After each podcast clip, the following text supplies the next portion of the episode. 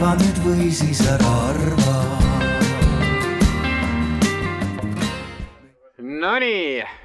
teeme korraks väikse lehvituse meie valli pealsetele, tere teile kõigile seal, tšau, pakaa, tulge siia, meil on kotttoolid, palju mugavam siin meil hakkab infost kohe juttu, meil on siin fotoboks, me pärast loosime auhindu ka, nii et julgelt tulge, astuge läbi. üks parimaid arutelusid praegu Paides üldse, mis siin pihta hakkab. nii et äh, julgelt tulge, astuge siia allapoole. meil on siin ka parima nurga all päike, pruuniks saamine on garanteeritud, aga head sõbrad, alustame noorteala viimase aruteluga täna, kaheteistkümnendal augustil. esimese asjana on vaja üks aplaus ära teha, täna on rahvusvaheline noortepäev, teeme ühe suure aplausi täna on rahvusvaheline noortepäev ja siin alal me võimestame nooli, siin alal on kõige olulisemad inimesed üldse, noored, me räägime noortest, me räägime noortekeskselt ja me üritame rääkida nii, et see tulemus, mis siit välja tuleb, oleks just noortele mõeldud. vot nii, järgmiseks aruteluks ma juhatan sisse meie arutelu moderaatori, teema on info eneseteostus või enesereostus. Ja antud teemat modereerib Haridus- ja Noorteameti venekeelse noorteinfo peaekspert, paneme käed kokku, Elisaveta Tšeremissina. ja tere ka minu poolt, head kuulajad, kes te siin äh, praegu olete Arvamusfestivalil, tore, et äh, jõudsite meie arutelule, ärge ära minge. Äh, tere, kallid panelistid. ja tere, head vaatajad, äh, kes te meil praegu otseülekannes vaatate ja ka kõik need, kes pärast vaatavad meid äh, salvestuses, loodan, et teid on palju. ja Roger juba juhatas mind sisse, mina olen Elisaveta Äh, mis ma enda kohta veel võin öelda, et täna ma küsin küsimusi meie kallidelt panelistidelt, aga ka üritan teha nii, et see arutelu oleks huvitav, et te ei väsiks ära, et äh, teil oleks võimalus küsida küsimusi ja aktiivselt äh, kaasa siis arutada meiega ja oma arvamust anda. et mis meil siin täna selleks on, et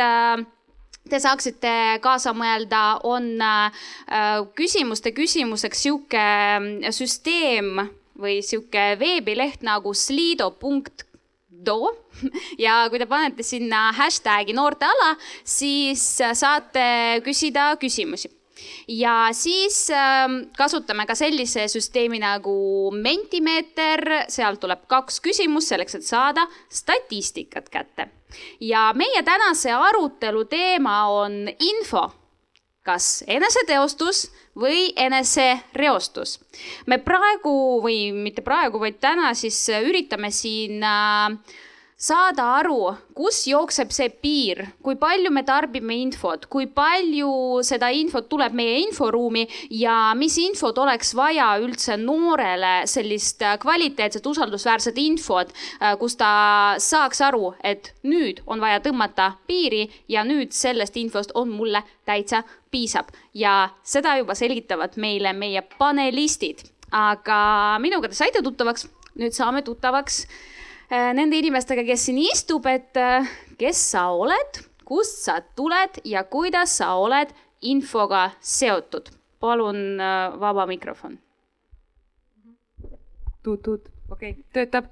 tere, minu nimi on Maia Klaassen ja minu äh, süda tuksub infole juba oma kaheksa-üheksa aastat ja umbes selle aja jagu olen ka Tartu Ülikoolis sellega siis tegelenud. täpsemalt, mina alustasin õpinguid ajakirjanduse kommunikatsiooni erialal ja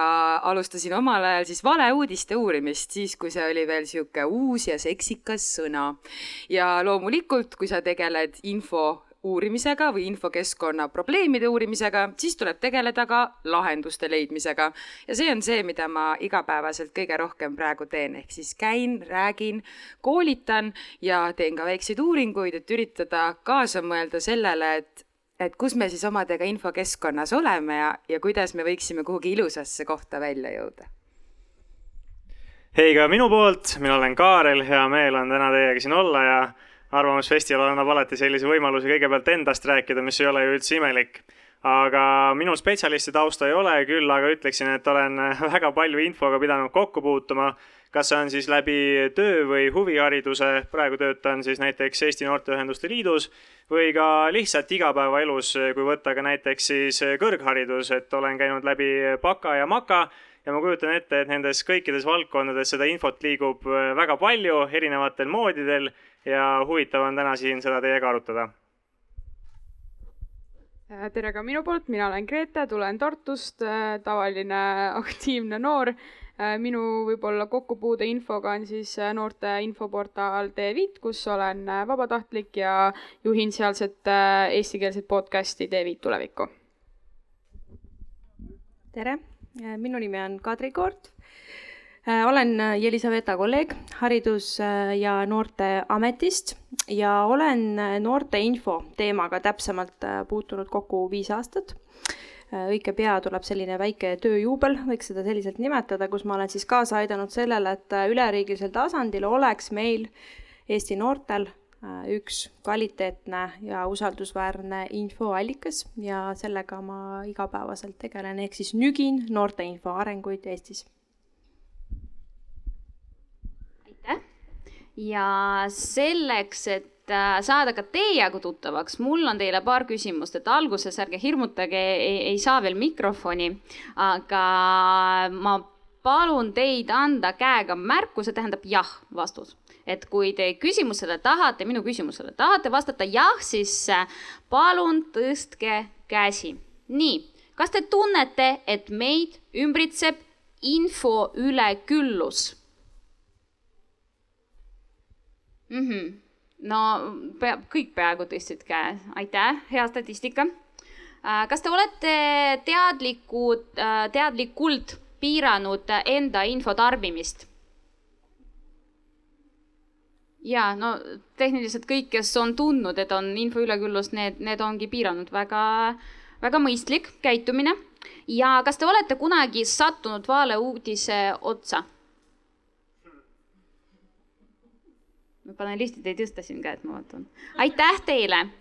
Äh, see oli sihuke esimene kaasamine, mida me tegime, aga nagu ma juba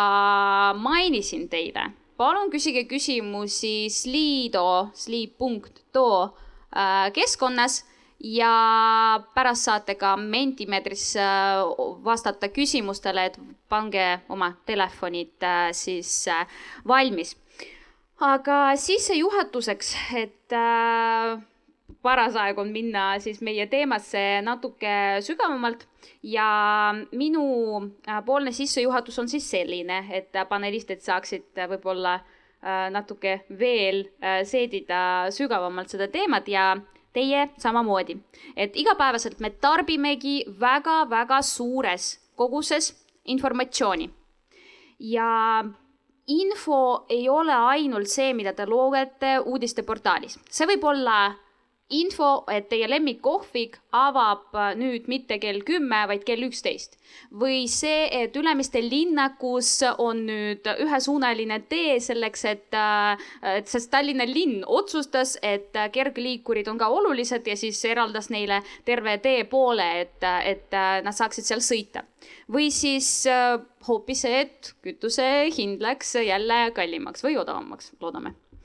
tänapäevane inforikkus pakub äh, noortele äh, nii väljakutseid kui ka palju võimalusi. ja infot ja uudiseid tuleb uksest ja aknast. ma nüüd te nõustasite minuga sellega, et vastasite jah eelmisele küsimusele. ja tuleb see erinevatest kanalitest ja erineval kujul. ja siit tekibki küsimus, et kas see on siis teostus või see on reostus, kas see on võimalused või need on väljakutsed. kas tarbides infot me eri formaatides, sellistes eri formaatides nagu artiklid, uudised äh,, siis nii netis kui ka äh, paberlehel on pikad ja lühikesed videod Youtube'is näiteks, äh, pikad ja lühikesed äh, Instagrami Reelsides ja Tiktokis. Ja sotsiaalmeedia postitused noortel on võimalus valida, kuidas ta tarbib infot, mis kujul ta tarbib infot ja mis infot ta üldse otsib. aga võib-olla tal ei ole seda võimalust loobuda seda infost, kui ta teadlikult ei, ei piira oma info tarbimist. ja küsimus ongi selles, kuidas tõmmata piiri. eneseteostus toimub siis, kui inimene äh, infoga sellega, et tema, temale, temani jõuab see info, ta realiseerib enda andeid ja sellega areneb ennast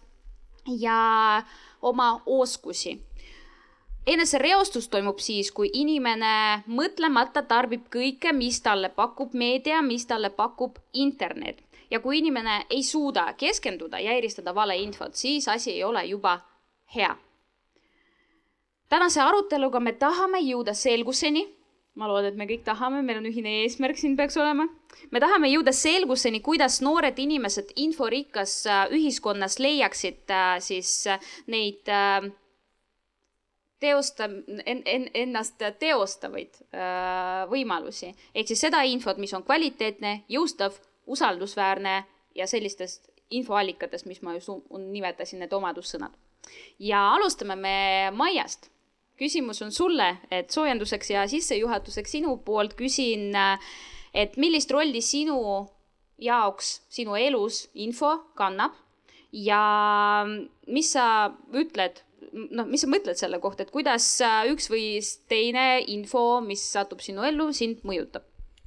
No infol äh, minu elus on selles mõttes, ma arvan, ka keskne roll, et mitte ainult minu valdkonna pärast, vaid ma olen lihtsalt uudishimulik inimene. et ma vihkan siis, kui on cliffhanger'id kuskil sarjades või kui sa ei saa filmis täpselt aru, mis juhtus või kui inimesed hakkavad midagi rääkima mulle, ütlevad siis, aga tegelikult ma ei ütle midagi ja see mõjutab paratamatult minu info tarbimist, vahet ei ole, mis vormis ma seda teen. mulle meeldib küsida täpsustavaid küsimusi, võib-olla liiga isiklikke küsimusi ja ma olen lihtsalt uudishimulik on ju. mis tähendab, et ma arvan, et mul kohati ebaterve huvi igasuguse info vastu ja see on hea asi, mida enda kohta teada, sest see ühtlasi noh, nagu ikka tegijal juhtub, mida rohkem infot tarbid, mida rohkem infot jagad, mida rohkem sisu lood, seda tõenäolisemalt ühel hetkel sa kuskil libised. et kui sa absoluutselt mitte midagi kuidagi infokeskkonnas ei osale, on väga raske valeuudiseid lugeda, on ju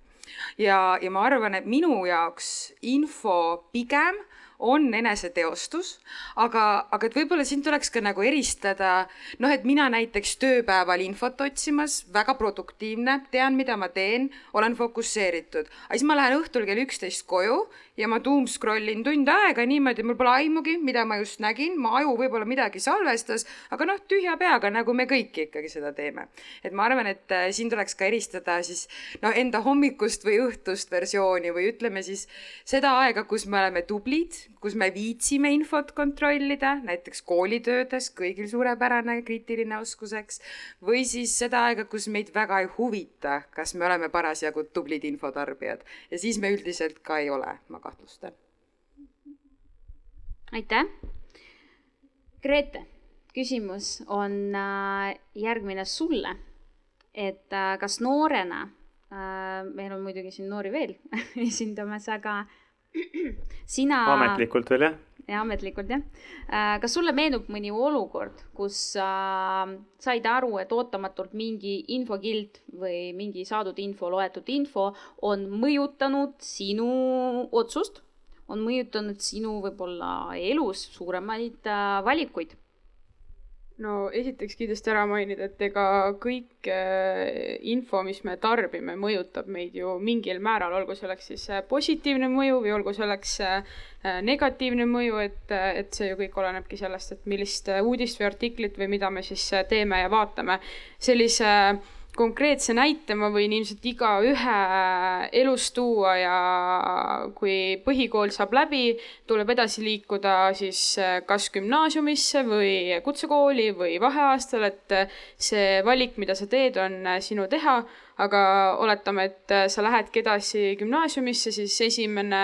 asi, mida sa teed, et sa valid välja kõige parema gümnaasiumi enda jaoks. ja selleks, et seda välja valida, sul on vaja infot koguda ja, ja vot sealt saab nagu öelda seda, et et äh, info mõjutab äh, meid ja on mõjutanud mind, sest erinevad kuulujutud, inimesed, kes on selles koolis käinud, info, mis sa leiad netist, info, mis äh, sa loed kooli kodulehelt, see kõik tuleb kokku panna ja selle põhjal tuleb mingeid valikuid teha. võib-olla sa oled terve elu olnud kindel, et jah, mina sammun kümne aasta pärast uksest sisse Hugo Treffnerist ja, ja kolme aasta pärast ma sellega lõpetan ja jõuad sa üheksandasse klassi ja saad aru, et vot, aga olen otsinud hoopis teistsugust infot, mis on mind täna nii palju mõjutanud, et, et ei lähegi enam sinna, et, et kindlasti on mõjutanud ja ilmselt äh, väga hea näide ongi see, et kooli puhul näiteks, et olin kindel terve elu, et ja sinna kooli ma lähen, sinna kooli ma lähen ja lõpetasin üldse täiesti teises koolis ja aasta hiljem lõpetasin üldse vaheaastal, sest sain aru, et, et ei, et hetkel ma tahan teha teisi asju. Et see kindlasti mõjutab ja on mõjutanud ka mind see puudutab eluvalikuid, väga head näited, aitäh sulle, sa jagasid, aga kas äh, sinu käitumist on mõni info mõjutanud, kui sa näiteks oled uudiseid lugenud, tuleb midagi sellist ette? No bussis äh, rääkides äh, sõbrannaga, siis äh, tõin välja raevuhood, ehk siis mõni uudis ikka päris ajab endast ikkagi välja ja, ja mõtled, et no miks on vaja sellist crap'i toota või miks see üldse kõik olemas on. ilmselt siis käitumise poolest sellised mõttetud libauudised või mõttetud mingid äh, uudistekanalid, mis äh, toodavad ainult clickbait'i peal olevat sisu, on õpetanud ja kasvatanud ümber, et kuidas sellest mitte enam välja teha ja kuidas lihtsalt nagu kuidagi lihtsalt lasta sellel minna, et enam ei, ei ole vaja seda lugeda ja tõe pähe võtta ja siis tegelikult saad aru, et ah, see polegi tõsi, et ilmselt sellist käitumist ja kasvatust on äh, ikkagi see info nii-öelda andnud ja mõjutanud. aitäh Kaarel, kui me lähme edasi sinuga ja räägime natuke noorte osalusest sellises äh, info kontekstis, kui palju siis äh, noorteni see info jõuab, siis mis on tänapäeva ühiskonna noorte väljakutsed äh, sellesse, et osaleda ja olla aktiivselt kaasatud neile olul-, päriselt olulistel teemadel kui ma oskaksin sellele küsimusele sada protsenti kindlasti vastata, siis ma ütleksin niimoodi, et meie üritustel oleks osalusprotsent tõenäoliselt äh, saja viiekümne kordne aga spekuleerida võib küll siin ikkagi sellega, et äh, me elame infoühiskonnas, kus kohas nagu kõik on üles ehitatud klikimajandusele ja kus kohas võib-olla isegi ütleme niimoodi, et äh, pakkumine ületab nõudlust. rääkisime sinuga siin äh, vahepeal ka sellest, et kuidas näiteks Arvamusfestival on üles ehitatud ja see ei ole absoluutselt nagu kriitikanool, vaid võime ka ise mõelda, et kui paljudele aruteludele me jõuame siin nagu koha peale minna, kui palju on seda nagu dubleerimist, on ju. et seitseteist erinevat ala kogu aeg jookseb midagi peale, et tegelikult sa pead tegema nagu väga kindlad valikud, ma tahan sinna minna, kas ma tahan sealt tüki saada, kas ma tahan sealt tervikut saada. ja noh, see on äh, nagu taandub lõpuks sellele ja ma arvan, et meie noortel on äh, praegusel hetkel suhteliselt sarnane olukord. ehk siis, et äh, samal ajal tehakse ülikvaliteetset reklaami mingisugusele populaarsele Eesti artistile, kes on reedel noh ütleme mitte siis võib-olla siin Vallitornis, aga kuskil mujal on ju et, et kuidas sa saad siis lõpuks äh, aru, et, et äh, mida sa päriselt tahad teha, sul on nii palju valikuid. Ja kui ma räägin nüüd konkreetselt sellest osalusest ja sellest valdkonnast, mis on mulle oluline, ehk siis, et noored tahaks ennast harida, saada paremaks, no siis äh, paratamatult see informatsioon võib nende jaoks olla natukene ebaatraktiivne. Juba ainuüksi selle poolest, et see, kes seda sisu loob, ei tee seda enam nagu kliki pärast, ta teeb seda sellepärast, et inimene tuleks kohale ja tunneks sellest rõõmu et äh, jah, see infomüra, ma kujutan ette, et see on nagu väga palju ja samas ka see, kes pakub nagu kvaliteetset informatsiooni, ei äh, suuda võib-olla alati selle nooreni jõuda sellisel kujul, nagu ta tahaks. kas ma saan õigesti aru, et äh, väljakutseks on see, et meil on inforeostus?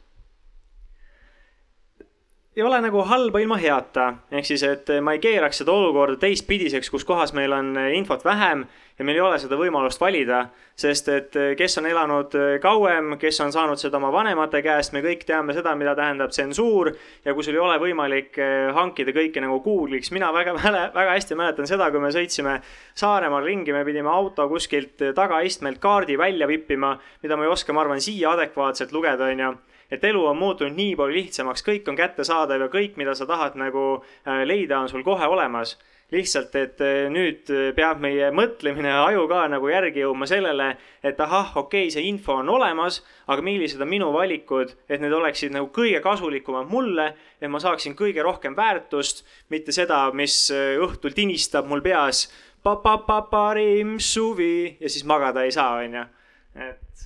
Kaarel, miks sa teda tegid? ma arvan, paljudel tekkis praegu see küsimus peas, aitäh, Kaarel. nüüd äh, kõikidel on see peas terve arutelu, aga proovime keskenduda meie teemale äh, aitäh sulle. Äh, kui me, noh, ongi, seda infot on ilmselt palju, aga seda infot peab otsima ja oskama siis leida et äh, Kadri, ma siit äh, läheks äh, sinu juurde, et äh, mis, vot ma otsin seda infot, aga ma leian seda infot ka äh,, kui ma otsin, aga kas see info on usaldusväärne või ta ei ole usaldusväärne, siis äh, kuidas me sellest saame aru, kuidas noor sellest saab aru? Siin ei ole kindlasti ühte ja selget äh, õpetust, et äh, tee nii, võta need kolm sammu ja, ja kindlasti oled õigel teel ja, ja see info on õige, vaid äh, kõige esimene nõuanne, nipp on see, et analüüsi seda, mis info sa kätte said. kas see tundub adekvaatne, kas see tundub õige, kas see tundub reaalne? no ja kui sa sealt juba saad aru, et asi on mäda, siis tasub tõesti tõepoolest vaadata üle, kas keel, kas sellel äh, infol on autor, ka millal see on avaldatud, kas see põhineb millelgi või see on blogipostitus või see on kellegi arvamus. kui seda ei ole, siis tõenäoliselt ei tasu seda väga tõsiselt võtta, sest et alati tasub eristada seda, kas info on kellegi arvamus või kellegi mõtted või on see tõesti mõne ametiasutuse, mõne, ma ei tea, ministeeriumi või mingisuguse teemavaldkonna edendaja info ühiskonnale, mis siis on näiteks siis pandud noortele arusaadavasse keelde ja kujule ja noor teab, ahaa, vot seal on see logo peal, ma tean seda Peaasi logo näiteks ja ma tean, et nende info on usaldusväärne. tõenäoliselt on seal ka allikas, kes on selle info kokku pannud, tõenäoliselt on seal avaldamise aeg ja sa saad ka kontrollida neid fakte, mis on siis selles konkreetses infos kirjeldatud. ja kui sa seda teha ei saa,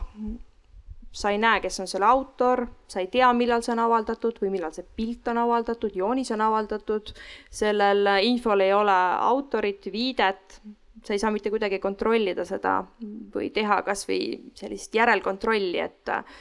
kas see on tõene, siis tõenäoliselt äh, tasub ennast usaldada ja, ja vaadata lihtsalt äh, infole, infoga tõtt sõna otseses mõttes ja analüüsida seda. aga, aga tasub äh, tõesti kontrollida, kas, kas seal on allikas, inimene taga, asutus taga, logo kas või. aga alati ei pruugi ka see olla äh, midagi, mis viib meid õigele teele, sest et ERR, kes teeb neid meediataip materjale. Siin meediapädevuse raames, on toonud välja sellise huvitava fakti, et väga palju valeinfos ja valeuudistes kasutatakse sellist väljendit nagu sõltumatu ekspert arvas ja sõltumatu ekspert on loonud vot selle ja selle ja nemad toovad välja seal selle, et see on üks kõige suuremaid punaseid lippe, ohutulesid, et kui sa näed sellist uudist, kus on kirjutatud sellist videot, kus on öeldud sõltumatu ekspert, et siis sellele tasub juba vaadata väga kriitiliselt, sest enamasti neid sõltumatuid eksperte sellisel kujul erinevate teemavaldkondade juures tegutsemas ei ole. aitäh, väga konkreetsed äh, nõuanded ja ma tahan kuulda teilt äh, kõikidelt nüüd, et te nüüd saite üks-ühele minuga vestelda, konkreetsele küsimusele vastata, aga räägime nüüd kõik koos. et ähm, meie oleme ilmselt ka saanud äh, inforeostust millal te olete seda tundnud ja kas te olete sellega midagi teinud, midagi ette võtnud, et Maia, ma ei tea, kas sa tahad alustada, sa oled juba seda teemat tegelikult alustanud, kui oled öelnud, sa tundsid, et õhtul sa võid scroll ida ja see on reostus, et äh, kas see on sinu jaoks reostus ja mida sa oled ette võtnud? ja siin võib muidugi nüüd hakata filosofeerima, et kas ähm, see, et sa tarbid infot, mis ei ole võib-olla noh, see ei suuna sind arendama oma oskusi või arendama eh, midagi, mida võib ülejäänud ühiskond tõsiselt võetavana vaadata, et äkki lihtsalt vahel tahad lolle asju vaadata ja see on ka okei. Okay.. et info äh, ei ole ju tingimata alati tõsine ja, ja hästi kasulik meile, vaid me veedamegi päris palju aega, veetsime ka enne digiseadmeid, mis te arvate, millest inimesed koopas rääkisid, loomulikult naabritest taga, meie ajudesse on sisse krutitud, eks ole, see ürgne tung tahta klatšida, rääkida negatiivsetest uudistest, lugeda rõvedusi, äh, jagada neid kõiki oma sõpradega, et näha, mis näo nemad teevad. ja ma arvan, et nagu see, et, et meil see tung on olemas, ei ole tingimata ka ju halb. et samamoodi ma ei usu, et on olemas ajakirjanikke, kes näiteks äh, pidevalt ise tarbiksid ainult tõsiseltvõetavaid äh, uudisteallikaid. kõigi ajud vajavad lollusi, sõltuvalt inimtüübist, eks ole, need võivad olla erinevat, erinevat tüüpi aga probleem tekib pigem sellest, kui sa tegeled siis, noh, mina mõtlen sellest kui passiivsest info tarbimisest, see, et sa scroll'id, scroll'id, scroll'id, info juhtub sinuga, on ju. Äh, paned kuhugi kõrva taha, näiteks reklaame vaadates, kõik väidavad, me ei usu ometi, et mingi Šveitsi labor testib äh, pesupulbreid, ometigi, mis müüvad kõige rohkem, on needsamad, kus on reklaamides, eks ole, absurdsed väited olnud aastakümneid. et meie aju salvestab seda mõttetut müra kindla peale, me teame seda. seda, kui suures mahus mõttetu jura, mida me tarbime, mõjutab näiteks meie otsustusprotsesse, see ei ole kindlasti ka nii, et võib öelda, et kõikidel on nüüd, eks ole, ühe laksuga, et see ongi individuaalne. aga mulle tundub, et nagu see küsimus ei ole niivõrd selles, et näidata mingit keskmist, vaid küsimus on selles, et me peaksime aru saama, et praeguseks meie võimalused soovi korral olla kakskümmend neli seitse ühenduses võimaluses tarbida infot, olgu siis lolli või vähem lolli, meelelahutuslikku või tõsist, et see tähendab, et me peame õppima enda meediatarbimist kogu aeg hindama. mis tähendab, et näiteks äh, kui sõda algas, minul kujunesid täiesti kohutavad meediatarbimise harjumused, ma ei olnud kindlasti ainus. ja siis, kui ma sain ühel hetkel aru, et mul kaob ära rõõm elust, ma ei näe enam valgust tunneli lõpus, maailm tundub hädaorg, siis ma sain aru, et ma olen ise teadlikult muutnud oma meediatarbimist ja see on väga kiirelt hakanud minu vaimsele tervisele. ja see ei tähenda siis tingimata seda, et nüüd tuleb sotsiaalmeediast noh, äärmusesse minna, ma kustutan kõik kontod ära, annan telefoni õele ära, annan täielikult alla, vaid see tähendabki väikest kahekõne iseendaga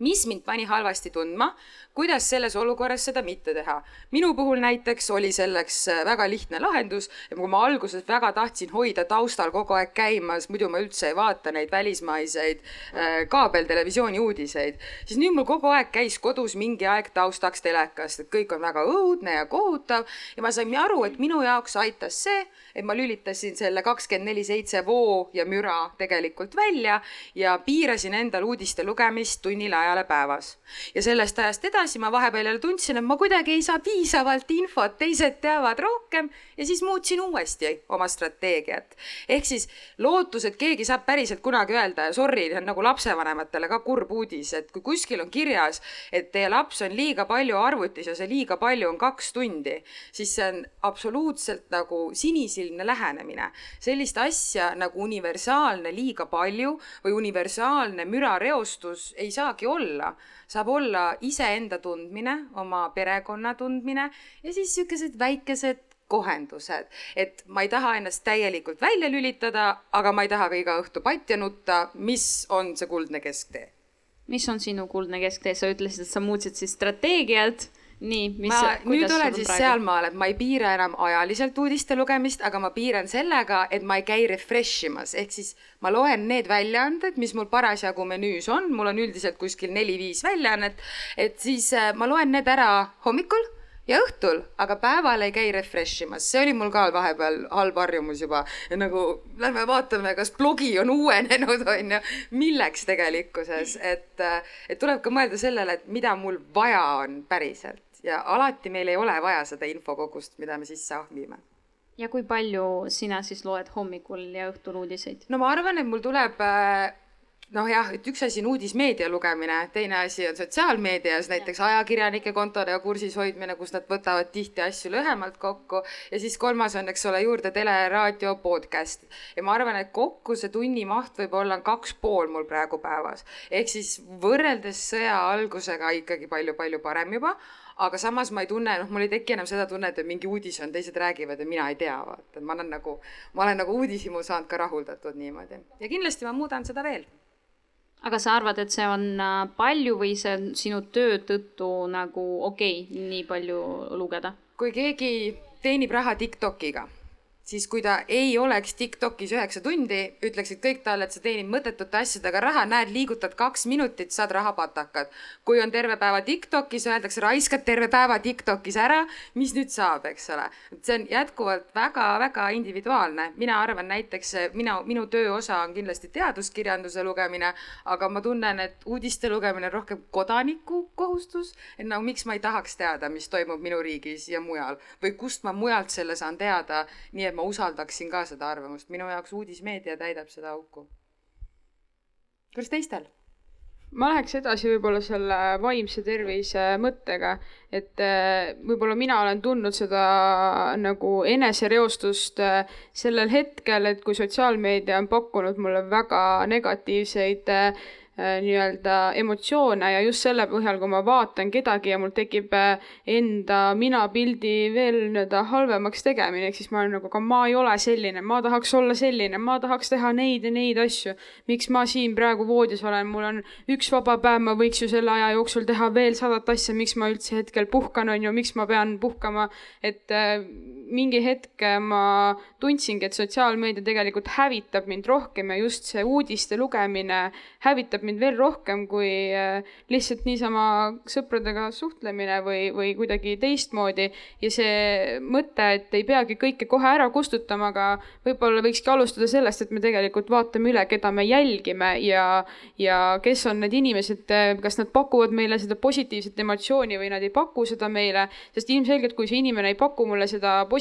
emotsiooni ja see ainuke lalim, mis sealt tuleb, on see, et ma ei taha, ma ei taha, ma tahan olla selline nagu tema, siis see ei ole tervisele okei okay,, see on väga-väga kahjulik mulle ja kus teab, mis augus äh, ma hiljem või keegi teine noortest äh, lõpetab, on ju, et see võib nagu väga-väga traagiliseks minna, olgu selleks siis äh, juba söömishäired või suitsiidmõtted või mis kõik see, kõik see vaimse tervisega seotud on. et kindlasti esimene asi, mille peale võib-olla mõelda, ongi see, et keda ma jälgin ja miks ma teda jälgin ja sama nagu sa tõid välja, et see väike eneseanalüüs, et seda saab tegelikult igal pool, iga uudise ja iga inimesega teha ja mõeldagi selle peale. kas sa oled seda ise läbi teinud? ja mul on tegelikult ka kogemuslugu äh, noorteportaalis äh, T5 ja, ja seal ma tegelikult ütlesingi, et äh, minu selline sotsiaalmeedia detox kestis umbes viis kuud ja selle aja jooksul ma kustutasin ära põhilised äpid, milleks oli Instagram, Facebook, TikTok, alles jäidki ainult Twitter ja Spotify, et kuulata muusikat ja Twitteris mulle lihtsalt meeldis lollitada ja see ma ei jah, ühesõnaga seal mulle meeldis lihtsalt lollitada oma feed'i peal ja, ja, ja teiseks ma esimene asi, millest ma alustasin, oli see, et ma päriselt vaatasin üle need inimesed, keda ma jälgin ja tuhande viiesaja pealt laskusin ma viiesaja kuuekümne peale või midagi sellist. ehk siis nagu tuhat inimest täiesti mõttetut sisu. miks ma jälgin, miks ma teen, ma ei, isegi ei, ei huvitu nende toodetest, ma ei huvitu sellest inimesest, see inimene ei tundu mulle huvitav. noh, et miks ma seda teen ja, ja see oli ilmselt see esimene asi. ja teiseks, et saadagi aru, et sotsiaalmeedia ei ole päris see, see, et keegi paneb endast mingi ilusa pildi me ei tea, kas ta seda on seal oma tagumikku äh, suurendanud, ei ole, kas ta on sinna mingeid värvilisi asju juurde pannud, me ei tea seda, et me ei saa võtta seda nagu tõepäraseks ja, ja see on ilmselt äh, väga paljudel noortel tegelikult probleem täna, sellepärast et äh, me võtame väga kergelt endale nii-öelda siis mõttesse, et ai, ta pani sellise pildi täna ja mina ei ole selline, mida ma nüüd teen ja noh, ja see asi läheb sealt allamäge siit võib-olla nagu saaks jätkata kaks sõna selle mõttega, et internetis me oleme ju ikka kõik oma parim versioon iseendast ja mitte ainult nagu indiviididena, vaid ka mõelda kui seda, et ettevõte teeb näiteks mingisugusel hetkel reklaame, siis see toode, mida ta tahab ju kirjeldada, on ikkagi seal pandud selliselt ette, et noh, tule ja võta nüüd, sa ei kujuta ette, millest sa ilma jääd, vahet ei ole, kas keegi mõtleb siin kohe näiteks purksi reklaami peale või midagi. Aga mida kiiremini me sellest aru saame, õnneks paljud vist on juba saanud, on see, et et kõik, mida sa näed, see on natukene nagu ülepaisutatud, sealhulgas ka minu enda Instagram, jagan kõige elu tõenäoliselt ilusamaid hetki, on ju. keegi vaatab, mõtleb, et ohoh, Kaarel, et äh, võitsid bingolotoga äkki või midagi sihukest. no päriselt see niimoodi ei ole. ja ma arvan, et äh, kui me sellest nagu lähme välja, sellest sotsiaalmeediast, on samamoodi ka uudiste või, või ma ei tea, uudiskirjadega, millega iganes, on ju, et tänapäeval sa võid midagi näha omaenda silmadega, see võib tunduda päriselt reaalne ja ometi see ei ole nii. sina näiteks rääkisid sellest sõjast, on ju kui palju tehti deepfake'e näiteks äh, Zelenskist, me ei pea sellesse nagu laskuma, aga lihtsalt mõelda selle peale, et sa võid näha ja arvata, et see kõik on tõsi ja samal ajal lihtsalt noh, polegi võimalik aru saada ainult äh, loogilise mõtlemisega kontekstis võib-olla, et see päriselt niimoodi ei ole. aga et vastata sellele küsimusele, mis sa, kui sa küsisid, et äh, kus mina tunnen, et ma olen nagu liiga palju inforeostust saanud, nii naljakas kui see ka ei ole, ma olen saanud seda kõige rohkem siis, kui ma tarbin head informatsiooni või vajalikku informatsiooni. ehk siis, kui on mingi asi crap, ma suunan selle nii või naa prügikasti, aga ma olen nagu noh, täiskasvanud elu olnud kogu aeg seotud ülikooliga või tudengiorganisatsioonidega, see tähendab infokirju see tähendab ühte infokirja nädalas või üks korda kuus, see tähendab seda, et sa saad kolm korda neljalt erinevalt organisatsioonilt sa tead, et see informatsioon on tegelikkuses vajalik, kes mida teeb, kus midagi toimub, sa peaksid võib-olla sellega kursis olema, aga see on ka prioriteedi arusaamine, et mida sa tahad selles päevas saavutada või mida sa üleüldiselt tahad ära teha. sest et jah, seda head infot on tohutult palju, aga sa pead valima, milline see hea info on sinu jaoks. minul, mulle on see isegi olulisem kui see, et ära tunda, et mis on halb ja mis mitte. ma see ütleks on... äh, äh, korraks, see on meie tänase äh, paneelarutelu küsimus ka, et äh, ka kuidas ma jõuan selle kvaliteetse infoni, aga järgmine samm on siis, et kuidas ma valin selle kvaliteetse ja vajaliku minu jaoks äh, info seest seda, mida ma ikkagi tarbin ma tunnen sama muret,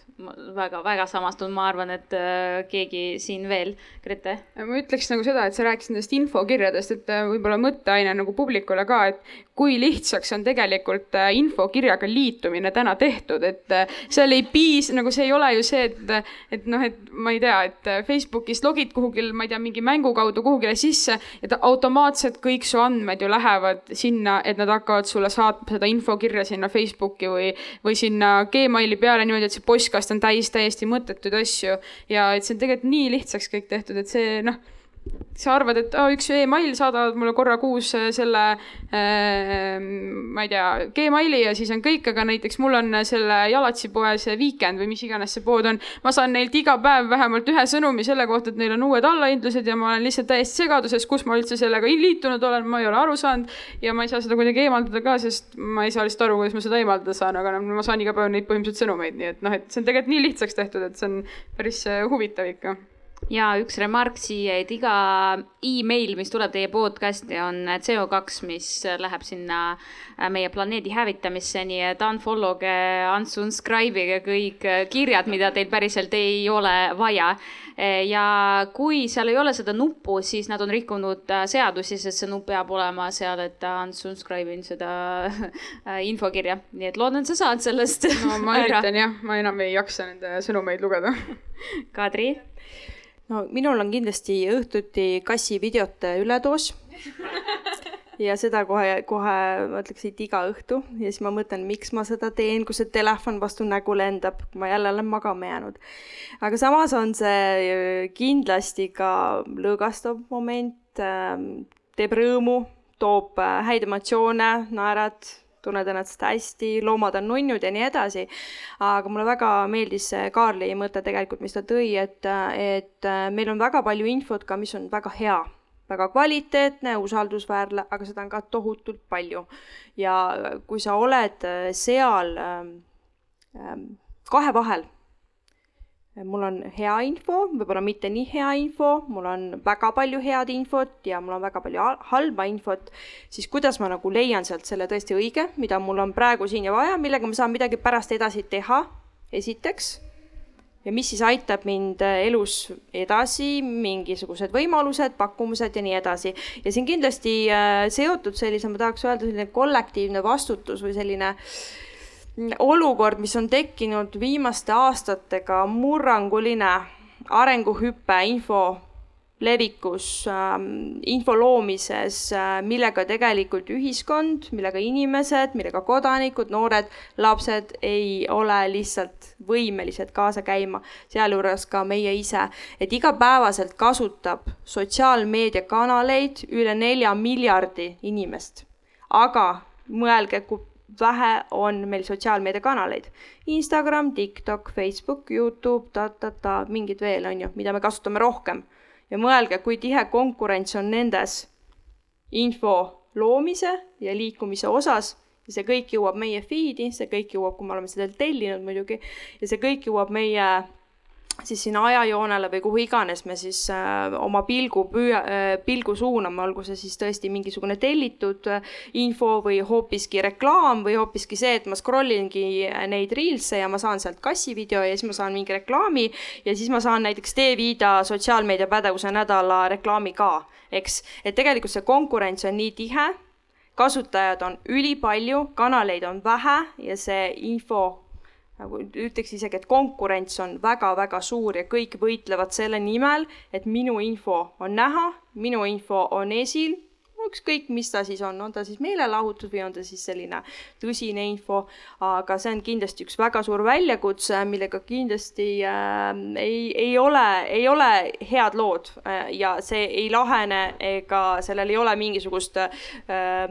valemit, et äh, see oleks homne päev lahendatud või, või homme päev ärkaksime üles ja meil on poole vähem infot, poole rohkem kanaleid ja me oleme kõik palju õnnelikumad ja rõõmsad ja teeme väga häid valikuid oma elus elus, et seda on palju loota, ma usun ehk siis äh, meil on kassivideod, meil on äh,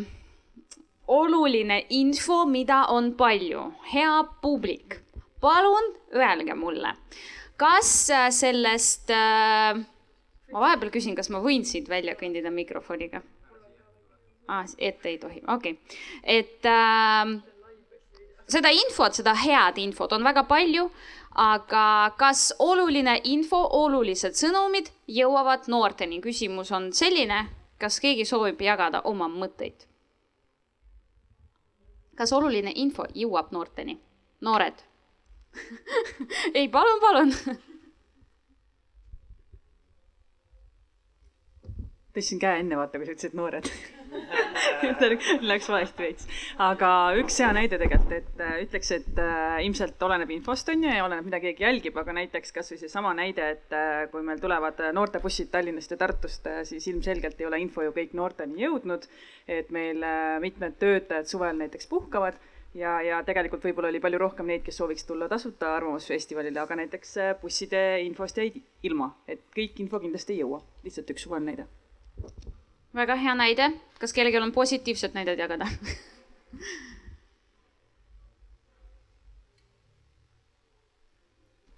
kas see info jõuab sinuni ja kas on mingi näide? no jaa, meil on siin väga hea näide täna, et T5 infoportaal, kus leiab kõike vajalikku, mis iga noor teadma peab. mis iga noor teadma peab? See on väga hea, aga kas äh, päriselt see info, et äh, me teeme seda olulist asja kõikide noorte jaoks, jõuab noorteni, on siis äh, seesama küsimus, mida ma küsisin, et Hanna on meie vabatahtlik, väga tubli vabatahtlik, tema leidis kuskilt seda infot ja loodame, et kõik noored kunagi jõuavad David siis kanalitesse aga Kaarel, mis sina arvad, kas oluline info jõuab noorteni, sa töötad äh, väga lahedas organisatsioonis nimega Eesti Noorteühenduste Liit, et kas äh, info noorteorganisatsioonide kohta jõuab noorteni? väga hea küsimus, muidu sa ei küsiks, on ju. Et äh, siin on nagu väga palju erinevaid aspekte. me võime alustada kasvõi sellest, et kui palju on äh, gatekeeper eid või väravahoidjaid sellises organisatsioonis nagu Eesti Noorteühenduste Liit, kes ei tea, see on katusorganisatsioon, mis toob kokku väga palju noorteühendusi, nii umbes kuutekümmet see tähendab seda, et meie saadame oma uudiskirja, oleme juba filtreerinud selle välja organisatsioonidele, seal on turundusinimene, seal on tegevjuht, kes filtreerib omakorda seda informatsiooni, et kas nemad hakkavad seda nüüd oma liikmetele välja käima või mitte. meie oleme oma töö ära teinud, kasvõi näiteks hea näide on siis äh, sellest äh, Arvamusfestivali bussiteemast, aga me isegi ei saa tegelikult veenduda päris täpselt, et kas nad on seda oma listis näiteks jaganud või mitte, isegi kui nad seda ütlevad, et nad on seda teinud, on ju. et äh, mõnikord võib ka sedasi lood olla ehk siis, et eh, me oleme olukorras, kus info liigub, näiliselt on kätte saadud, aga kas me päriselt teame, kui paljudeni ta jõudis ja kas see saadi kätte? ma arvan, et, et adekvaatselt vastata ma peaksin tõesti mingisuguse küsitlusi läbi viima. aga, aga ma kujutan ettegi, et see, et seda informatsiooni põrgatatakse nii palju, et eh, lõppkokkuvõttes kõigini ta raudselt ei jõua ja teiseks on ka see, et millises kanalis seda edastatakse et äh, nagu ma varasemalt ütlesin, meil on üritusi väga palju, millega konkureerida, vahet ei ole, kus siis neid reklaamitakse, aga no meie infokiri ei ole kindlasti nii populaarne kui mingisugune, miks mitte Tiktoki video, ma olen täna väga tõsise küsimuse ees, et kas äh, Facebook ja Instagram on enam piisavalt? Et äh, mina jah, olen veel ametlikult nagu selles noorte eagrupis, aga kas ma päriselt tajun seda, mida noor tahab ja kus ta seda informatsiooni tarbib? tõenäoliselt mitte. ehk siis, et äh, kui me tahame ennast parandada, siis äh, meil on vast siin kõvasti tööd teha. Kadri, palun võta oma kogemuse põhjal kokku. sa oled töötanud varsti väike juubel, on ju, üleriigilise noorteinfo juures. võta kokku, kas info on sellel ajal jõudnud noorteni kindlasti on jõudnud ja on jõudnud palju ja on jõudnud väga erinevate kanalite kaudu ja on äh, hästi oluline märkida siin, et kui me alustasime noorteinfoportaaliga T5, siis äh, ei olnud kasutusel meil ei Instagrami, ei TikToki, ei Youtube'i, ei SoundCloudi, ei Spotify'd, ei VK-d ja võib-olla, et midagi veel. Äh, me olime ainult Facebookis, sest tollel ajal, aasta oli kaks tuhat mis ta siis oli, ma ei mäleta, seitseteist. Äh,, oli Facebook peamine kanal, mida kasutati lisaks siis igasugustele muudele uudiskirjadele või kodulehel info jagamisele, kus siis oma infot levitada ühe, teise või kolmanda kampaania või uudise, artikli, kogemusloo või mille iganes äh, kohta. ja täna me oleme seal, kus T-Viidal on ligi kümme sotsiaalmeediakanalit, me jagame infot äh, äh, me armastame öelda selliselt, et meil on äh, helis, pildis, kirjalikult. ehk siis me kasutame podcast'e, me kasutame artikleid, me kasutame sündmusi, kampaaniaid, me kasutame sotsiaalmeedia postitusi, reels'e, kõikvõimalikke kanaleid ja võimalusi, et jõuda oma infoga, kvaliteetse ja usaldusväärse infoga Eesti noorteni ja toetada nende valikuid. ja meil oli äh, alles äsja äh, mida ma veel tahan siin äh, tuua välja, on, et milline peab olema info ja mida me oleme ka teinud, on see, et info peab olema pidevalt arenev infokanalid peavad olema pidevalt arenevad ja peab olema dünaamilisus. Äh, kui Venemaa alustas sõda äh, Ukrainas veebruari lõpus, olime väga suure portsu otsas. meil oli aastaplaan tehtud, kuuplaan tehtud, kampaaniad planeeritud, no vot sõda nüüd. mis me teeme, kuidas me toetame noori selles olukorras, kus levib nii palju sõjavalesid, kus levib nii palju valeuudiseid? ja mida tuleb teha sellises olukorras, loomulikult tuleb kommunikatsioonis kõik peale, peale pöörata, teha ümber, teha ringi. Ja meil oli väga-väga edukas sotsiaalmeediapädevuse nädal, kus me siis töötasime koos äh, ekspertidega, valdkonna, valdkonna spetsialistidega, kes siis aitasid meil mõtestada ja mõista mis on valeuudis, kuidas ära tunda, kuidas tegutseda sotsiaalmeedias, mida pidada silmas turvalisuse kontekstis? Ja nii edasi ja nii edasi. ja mida ma tahan öelda, on see, et info peab olema pidevalt, infoteenused peavad olema pidevalt arenevad, pidevalt uuenevad, sa ei saa jääda ühte või teist kanalit kasutama, sest me oleme ju niimoodi teinud ja see on meile mugav. sa pead pidevalt leidma uusi viise, kuidas infot levitada, infot äh, ka luua, infot vahendada ja ka kellega koos sa seda teed. meie Teevidas oleme õnnelikud, sest meil on kuskil kolmkümmend viis vabatahtlikku, kellest osa ka täna on siin meiega koos, kes aitavad meil tegelikult äh, seda infot luua ja levitada näiteks sotsiaalmeedia kaudu. ja mina ei tea mitte ühtegi teist riigiasutust, kes teeb sellist tööd, et neil on noored, kes aitavad infot luua, infot vahendada teistele noortele atraktiivsel viisil ja näiteks seda siis TikToki vahendusel, mis on äärmiselt oluline äh, kanal noortele. kui palju noored mõtestavad, see on infokanal, ma ei usu, et noored mõtlevad, et ma lähen sinna ja saan infot. no ma kahtlen selles. ma arvan, et ta läheb sinna ja mõtleb, et ta scroll ib ja see on suurepärane, kui talle jääb mingi info, mingi infokillukene silma, meelde, kõrva, mis on positiivne, mis on kvaliteetne, mis on usaldusväärne ja mille põhjal ta siis saab ühe või teise valiku oma elus teha. kindlasti meil on väga suur konkurents, me oleme ühed vähesed tegijad riiklikul tasandil, kes sellist infotööd noortele planeerivad ja ellu viivad, aga me loodame väga siiralt, et ka teised riigiasutused, ametiasutused leiavad aina rohkem viise et jõuda noorteni, sellepärast et minule tundub, et äh, tihtipeale noori ja noorte infotarbimise vajadusi ja harjumusi äh, diskrimineeritakse. et me loome mingisuguse info, mingisuguse voldiku, õpiku, juhise ja nii edasi, aga me ei mõtle, et noor, kuueteistaastane näiteks, saab sellest aru. me teeme sellise tavapärase tavapärast tööd, loome mingisuguse tavapärase materjali, nii nagu me alati oleme harjunud ja me ei mõtle sellele, et erinevad sihtgrupid erinevas vanuses, võib-olla ka erineva kultuuritaustaga saaksid sellest aru, mõistaksid seda. ja see on tegelikult meie roll kõigil, kes me töötame infoga, töötame kommunikatsiooniga, et me loome infot tarbijatele, me loome infot kodanikele, kes peavad sellest aru saama ja eriti peavad sellest aru saama noored, kes on kümne aasta pärast ettevõtjad poliitikud, presidendid, mida iganes. Nemad peavad selle infoga midagi tegema täna, mitte kümne aasta pärast, sest siis ei aita see info neil end teostada. aitäh, Kadri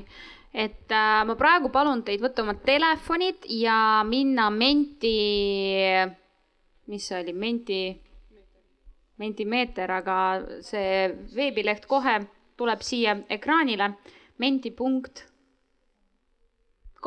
jess, menti.com ja see kood on kaks seitse, kaks üheksa, kaks üheksa, null neli, see on teil ka tahvli peal äh, kirjas, et äh, minge palun telefoniga sinna.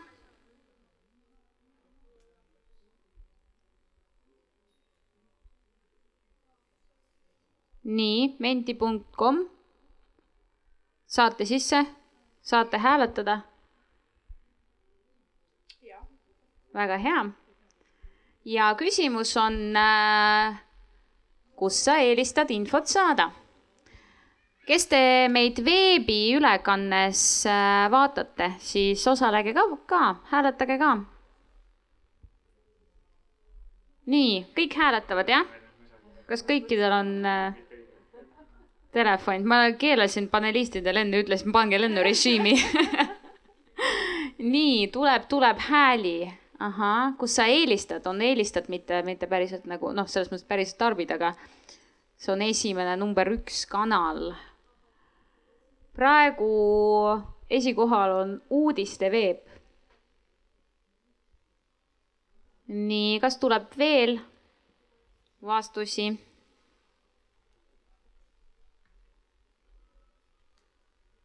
jaa, aitäh, uudisteveeb endiselt on äh, liidri kohal super, te võite hääletada, äh, aga nii kaua äh, väike remark, et telekas selle pooleteist tunni ajal, mis me siin teiega istume, äh, näidatakse vähemalt neli-viis reklaami. meie siin teiega oleme ka poolteist tundi, aga teie õnneks meil tuleb ainult üks reklaam ja me oleme tagasi peale reklaampausi. parim suvi tähelepanu, tegemist on noorte infoga. enne tarvitamist veenduge, et teie päevane infokapatsiteet ei oleks juba täitunud. Noorte infoportaal Teeviit, usaldusväärse, kontrollitud ja kvaliteetse info allikas, tarvitav nii eesti, inglise, vene kui ka ukraina keeles. veebilehel on üle tuhande viiesaja kajastuse artiklit, kogemuslood, intervjuud ja Tiktokis tervelt seitsesada viiskümmend tuhat vaatamist. SoundCloudis, Spotify's ja Youtube'is leitav ka podcast. Youtube'is on tervelt kakssada noorte infovideot. leia meid ka Instagramis, at Teeviit. tähelepanu tegemist oli noorte infoga. reklaami tasuta ettekandmist toetab Haridus- ja Noorteamet.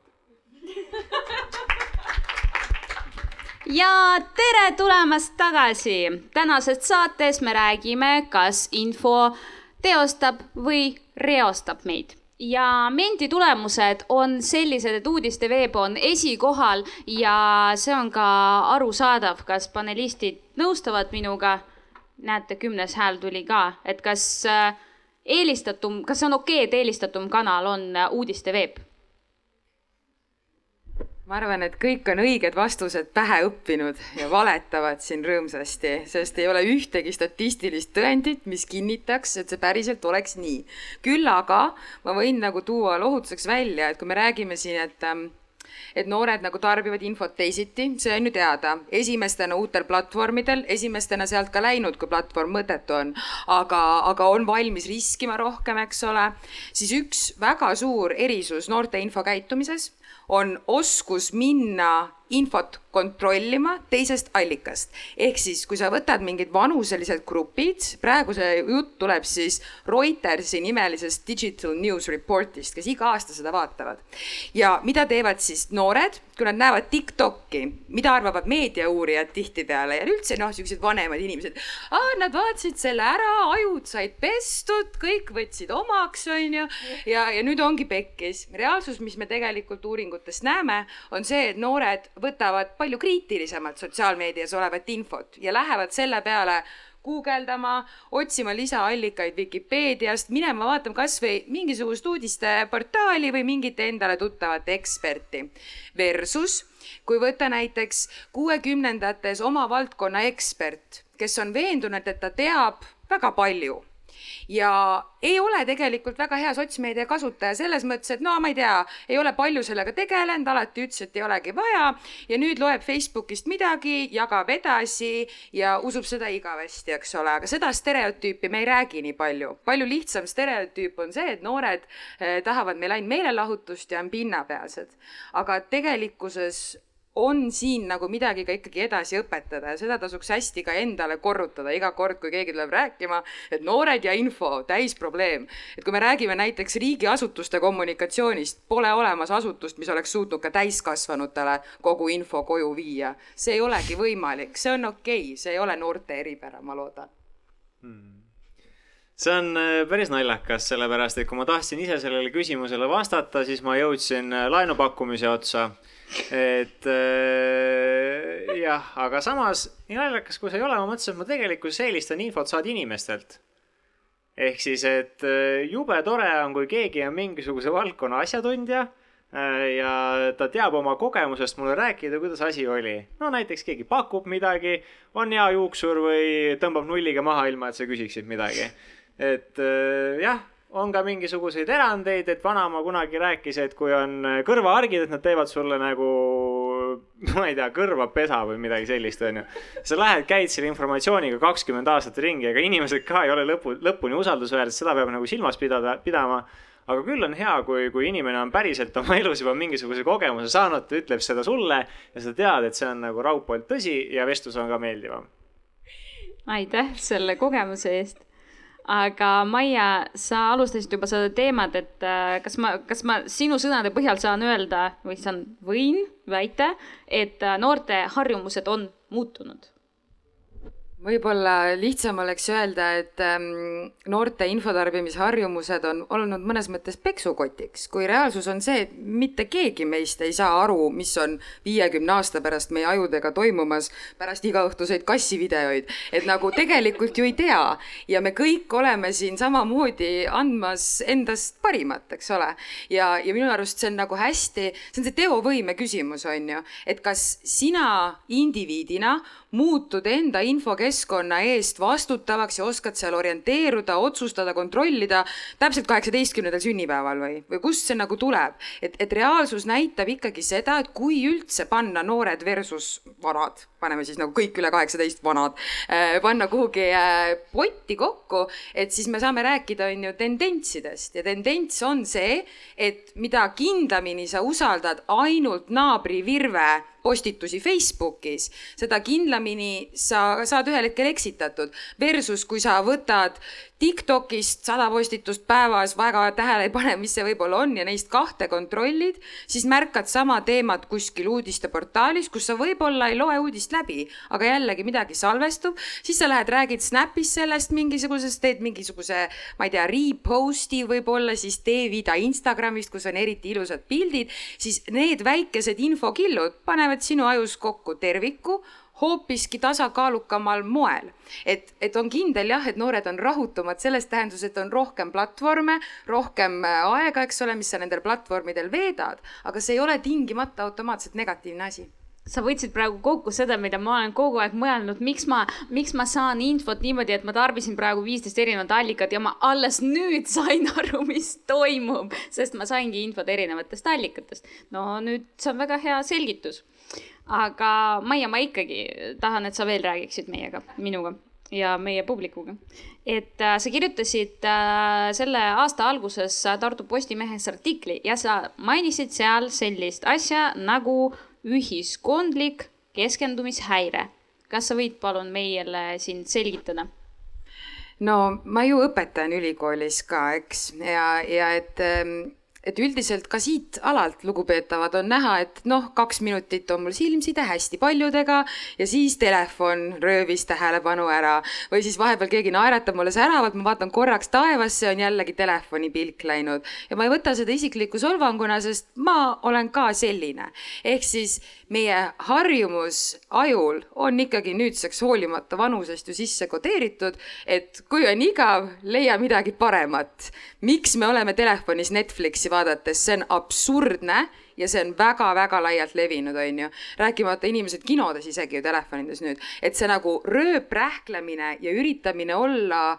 korraga kõikides inforuumides, et noh, et a la ma lähen sinna mm, Zoomi koolitust kuulama, sest noh, peaks minema, äkki on huvitav ja siis tegelikult räägid terve aja sõpradega. see on ühtepidi keskendumishäire, aga teistpidi ka ju väga selgelt enda tegevustega loodud paratamatus. sul ei ole tegelikult võimalik oma aju panna kolme kohta korraga, mis tähendab, et iga kord, kui meil on harjumus näiteks äh, tunni ajal minna telefoni ja kinnitada endale, et kuskil mingi ajusagar kuulas ja ma sain selle info kätte, siis noh kui me nüüd ausad iseendaga oleme, me ju saame aru, et tegelikult nii elu ei käi. me oskame üldiselt kahjuks või õnneks keskenduda ühele asjale korraga, kui üldse multitask imine töötab, siis ainult nendel juhtudel, kus mingisugune tõenäoliselt füüsiline tegevus, mis meile on pähe kulunud, eks. et kui sulle põhimõtteliselt äh, aju ei peagi tööd tegema, vaid ma ei tea, harjumusest äh, puhastad või tõmbad neid maasikaid vagudest välja või mis iganes, on ju. ehk siis, kui ma ütlen, et meil on ühiskondlik keskendumishäire, ma tegelikult ütlen, et me absoluutselt kõik oleme pooleldi sõltuvuses, pooleldi äh, rõõmsas siukses sümbioosis äh, tehnovidinatega, kus meil ei ole enesekontrolli piisavalt, et reguleerida seda keskendumishäiret, on ju. ehk siis põhimõtteliselt sotsiaalmeedia platvormid on paremini ära häkkinud, kuidas meie tähelepanu hoida, kui näiteks meie teised kaaskodanikud, mida on näha siis, kui võtame telefoni välja, kui keegi räägib huvitavat juttu aga teistpidi jah, see on natukene ikkagi ka treenimise küsimus. näiteks kuna te viimati treenisite ennast viis minutit keskenduma seriaalile, ilma et sa võtaks vahepeal telefoni kätte. mõne jaoks on viis minutit raske mõni teeb kaks tundi niimoodi ära, et ei saa arugi. või miks on raamatuid raskem lugeda, küsimus ei ole ju selles, et raamatud oleks varem olnud palju huvitavamad, lihtsalt polnud nii palju alternatiive, mida muud kõike teha ehk siis jah, ma ühtepidi nagu eh, süüdistan meid kõiki, sealhulgas ennast, aga teistpidi ka nendin, et see ei ole nagu mingi paratamatus. et see, et meil on ühiskondlik keskendumishäire, on praegu see, kuhu väga kiire tehnoloogia areng meid on toonud. me saame seda reguleerida, täiega saame. võib-olla veel ei taha, aga tehniliselt saame ma, sa tahtsid, ütlesid sarja kohta, et mina saan küll sarjale rohkem kui viis minutit keskenduda, võin kõike välja lülitada ja ainult sarja vaadata. aga raamatu lugemisega tõesti. Äh, Kaarel ja Grete, ma tahan kuulda teie arvamust, et äh, see, mis Maia ütles, ta on nii öelge, kas te nõustute, mina nõustun, kas teie nõustute ja kuidas siis selles olukorras, et äh, meil ongi raskused keskenduda konkreetsele infole kuidas me siis leiame seda infot ja keskendume sellele niimoodi, et me nagu päriselt keskendume.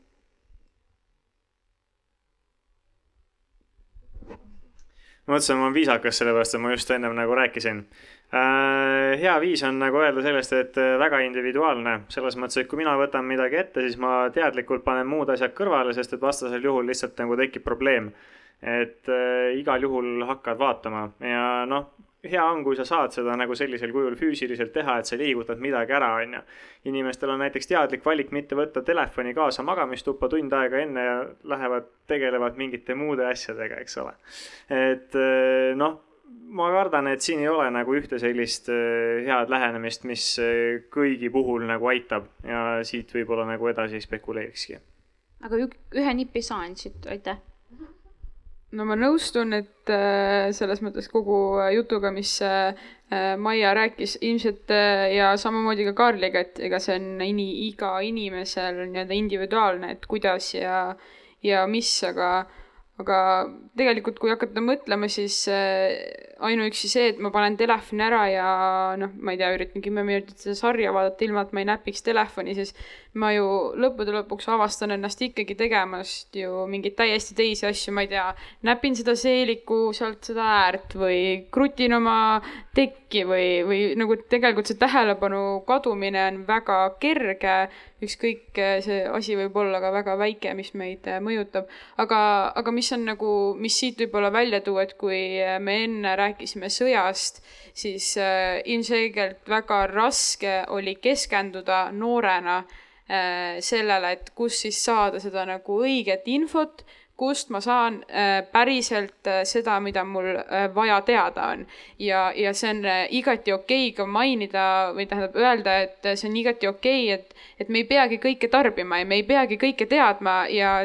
kui me teame seda ühte asja ainult, äh, me teame, kes kellega sõda teeb ja mis on see põhjus, see on juba väga hästi. kui sa ei olegi sellest teemast huvitatud, sa ei pea teadma, aga kui sõda algas, siis mina, nagu sa ka enne mainisid, seda T-Vida, et teil löödi kõik pea peale ja tuli välja mõelda ruttu mingi plaan, mida teha, et inimesed, eriti noored, saaksid selle info enda keeles äh, ilusti kätte, nad saaksid selle kiiresti ja nad saaksid selle kontrollitult. ja mina tundsin ka, et T-Vida portaal äh, just selles valdkonnas valdkonnas oli mulle väga suureks abiks ja ma suutsin keskenduda, sest mul oli see usaldus ja ma teadsin ja mul oli see turvatunne, et see portaal, selles on kontrollitud info, inimesed on teinud tööd ja ma saan sealt kogu vajalikku, mida mul noorel on vaja teada ja mind see teema absoluutselt kuskil Õhtulehes või mis iganes need meediaväljaanded on, ei huvitanudki, sest mul oli põhiinfo nii-öelda olemas ja mul rohkem vaja ei olnudki, ehk siis äh, see nii-öelda kindlus ja turvatunne on ka siin tegelikult väga äh, suured äh, märksõnad ja see, et me üldse nagu äh, oleme valmis äh,, ikkagi inimene on ikkagi valmis keskenduma, kui see info teda huvitab ja, ja kui sind ikkagi ei huvita äh, vaimne tervis, siis äh, sa tead sellest täpselt nii palju, kui sul vaja teada on ja ülejäänud on sinu oma teha, kui sa ei taha, siis ei taha ja, ja nii ongi. Et äh, see on minu selline mõtte, mõttemaailm või, või mida mina nagu näen see on natuke selline teemaväline mõte, et eh, kui Kadri siin vahepeal rääkis näiteks seda, et talle õhtul jõuavad eh, kassivideod ette, siis ma kujutan ette, et ega see nagu väga kokkusattumus ei ole ja ka sa ütlesid, et eh, kuidas see asi nagu toimub, selle nimi vist on äkki mingi teadus mõttes kõlakarp või midagi sellist, aga see loogika on lihtsalt see, et ükskõik, mis eh, platvormil parajalt seda sisu tarbime, siis me anname ju ka sealt impressioone välja, no tõepoolest mingi asi meeldib, paned südame, paned eh, like'i no mida iganes, jätad kurja kommentaari kasvõi on ju, et ega see süsteem on piisavalt tark ja see tunneb kohe ära ja ta hakkabki sulle pakkuma seda ühte ja sama informatsiooni. ja kuna ta on nii tark ja teab sind, äh, sinust paremini, siis ilmselgelt sellega nagu võistelda on äh, väga pagana keeruline. aga äh, siit nagu tekib ka see arusaamine et ma olen selles väljas ja mulle pakutaksegi seda, mida ma kuulda tahan ja kas see, mida ma kuulda tahan, on nagu ainuõige või kas see ongi see, kuidas maailm päriselt nagu toimib. et noh, muidugi D5 on hea näide sellest, kus sa saadki nagu päris informatsiooni, mis on kvaliteetne, aga sama kergesti võid sa ennast ju otsida ka sellise informatsiooni otsa, mis on sulle nagu väga kahjulik ja, ja viib sind näiteks mingi vandenõuteooria kätte siin jah, inimesed kõik, kes istuvad, mul pole kahtlustki, et teiega nagu seda probleemi ei ole, aga Eestis me ju näeme ka, kuidas see äh, on nagu päevakorda tekkinud see probleem. selle Kaarli ja, ja, ja kassivideote näite juurde, et miks nad ette mulle tulevad, absoluutselt, äh, seal on äh, ju äh, valemid ja, ja, ja kõik see süsteem taga, et, et sulle need konkreetsed videod, mis, mis sulle siis meeldivad, tulevad ette. aga teine asi, mida ma olen ise kogenud, on see, et ma olen rääkinud oma tuttavaga mingist teemast ja siis mul tuleb selle teema kohta reklaam Facebooki või Instagrami, et, et tegelikult siin on ka see, et neid äh, telefoni siis äh, mikrofone ju, eks ole, kuulatakse pealt ja juba läbi selle söödetakse sulle mingisugust konkreetset infot mingil teemal, olgu see crap või mitte, ja mina olen sattunud küll mingisuguse täieliku crap'i otsa ja mingeid viiruseid sealt saanud ka, on ju, et, et selles mõttes see, need süsteemid on, ütleme niimoodi, et hästi targad ja, ja, ja kõik, mida sa räägid ja like'id ja klikid, see salvestub ja see jääb just sotsiaalmeedias oli nali, et äh, noh, guugeldasin midagi või ütlesin midagi, siis telefon näitab ja siis kommentaar, et äh, ma mõtlesin selle peale ja see tuli mulle äh, reklaamina ette, on ju, kes äh, nüüd äh, uue ajastu asjad loevad meie mõtteid ka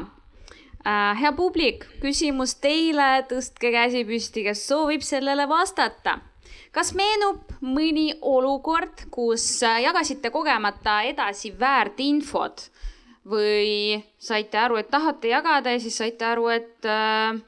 ei, see on valeinfo, et ma ei jaga seda või te lihtsalt sattusite valeinfo peale ja ei saanud kohe aru, et see on valeinfo, vaid hakkas nagu kahtlustunne tekkima. kas kellelgi on olnud niisugune olukord?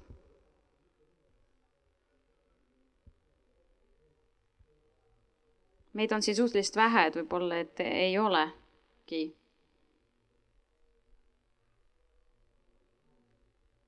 jaa. Äh, minul oli spämmikirjaga äh, üks näidis, et äh, kuidagiviisi jälle seostades teie jutuga ka, see spämmi saatja siis teadis, et ma olen pakiootel. ja siis tuli Omnivalt, Omnivalt kiri, kus, kus ma pean oma pakin numbril või paki sellel koodil klikkima, kuna minu aadress on vale. Ehk et pean nagu uue aadressi ja oma infot jagama. ja lihtsalt see oli nagu, kuna ma teadsin, et mul peab mingi pakk tulema, see äh,, aga teadlikult ma vaatasin seda saatja aadressi ja see ei tundunud õige aga lihtsalt jällegi, et äh, mõtled selle peale, tead, et peaks pakk tulema ja siis tuleb selline nagu spämmikiri, et hästi huvitav olukord. aitäh selle lugu eest mul oli niimoodi, et äh, keegi äh, pärast võttis raha mu Elisa nagu kontolt, et emale pärast tuli nagu arves mingisugused asjad ja siis nagu me ütlesime Elisale, et me pole seda teinud ja siis nad andsid meile raha tagasi, sest nagu päriselt see ei olnud meile, meie nagu tehtud, meie makstud ega minu, aga minu numbril oli. ehk siis see oli ka mingi õngitsuskiri, ma mäletan seda kirja, ma mäletan, et ma kustutasin seda, ma ei teinud sellega midagi. ilmselt tegin, vajutasin midagi, näed sa, kuidas nad Elisasse jõudsid ei kujuta ette, igatahes need äh, valeuudised äh,, mis on seotud noh, kirjadega on üks asi, on ju, aga valeuudised äh, meedias on minu arust väga-väga hull asi.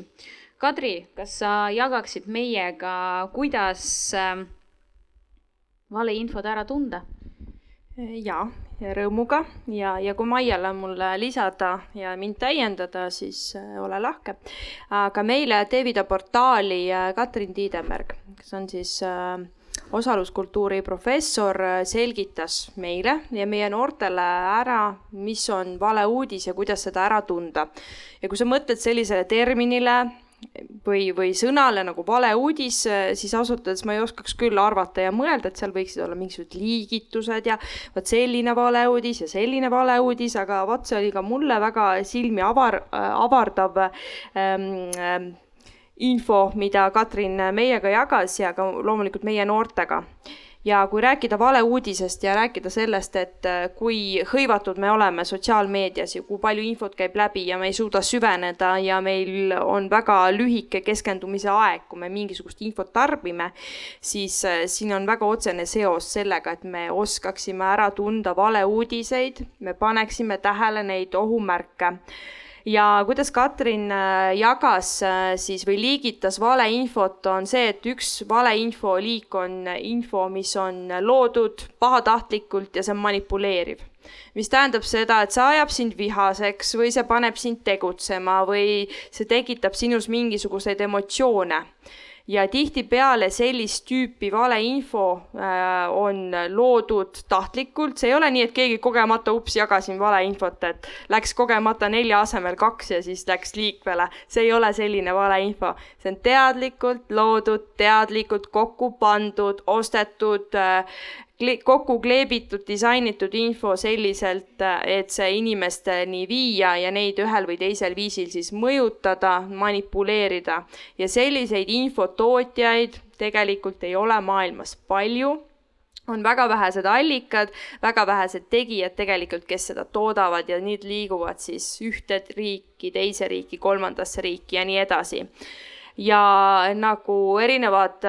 me kindlasti teame kõik erinevaid gruppe, nagu ma ei tea, eestlaste kolmnurk, oleme kuulnud äh, igasuguseid põnevaid lugusid sealt, siis taolised grupid ja blogid on kindlasti need kohad, kus äh, taolised valeuudised levivad. Inimesed lähevad emotsionaalseks, võtavad seda tõsiselt, hakkavad seal vaidlema ja jagama ja oma seisukohti väljendama ja see ongi nende valeuudiste eesmärk, tekitada konflikte, manipuleerida inimestega, nende emotsioonidega. ja teine liigitus valeinfot on siis selline valeinfo, mis on tõesti see ups, no juhtus kus äh, on kas va vale, valed äh, faktid või aetud midagi sassi, kogemata, on äh, jäänud asjad valesti meelde ja nii edasi Need on pigem faktivead, need on pigem pisikesed äh, apsakad, mis ei mõjuta inimeste elu või ei, ei tekita meile kahju. küll aga muidugi, kui on info väga oluline meile, mille põhjal me midagi siis äh, tahame otsustada või teeme mingeid valikuid ja meil on seal kahe asemel neli, siis äh, loomulikult see võib mind mõjutada ja, ja võib-olla pahaseks teha, kurvaks teha. aga üldjoontes ei ole sellel infol sellist suurt mõju mulle isikuna, et, et ma, ma tõesti saaksin sellest väga kahju, et need on siis ütleme lihtsalt lihtsamalt öeldes kaks sellist liigitust, mida võiks siis eristada, ehk siis üks on manipuleeriv valeinfo ja teine on tõesti see kogemata ja ups, valeinfo. aga siinjuures ma arvan, et tasub äh, korrata ja, ja tulla tagasi algusesse, kui me rääkisime sellest, et kuidas ära tunda valeinfot ja, ja, ja mis on need tunnused ja, ja lipukesed, punased lipud, siis need on täpselt needsamad. allikas kas äh, selle info on avaldanud eksperdid, asutus, äh, äh, kas sa saad seda infot kontrollida, kas see info on, millal see on avaldatud, kas see on kaks aastat tagasi avaldatud, avaldamise kuupäev puudub või, või oli eile ja nii edasi. ehk siis sa tegelikult saad ise vaadata sellele infole peale ja, ja teha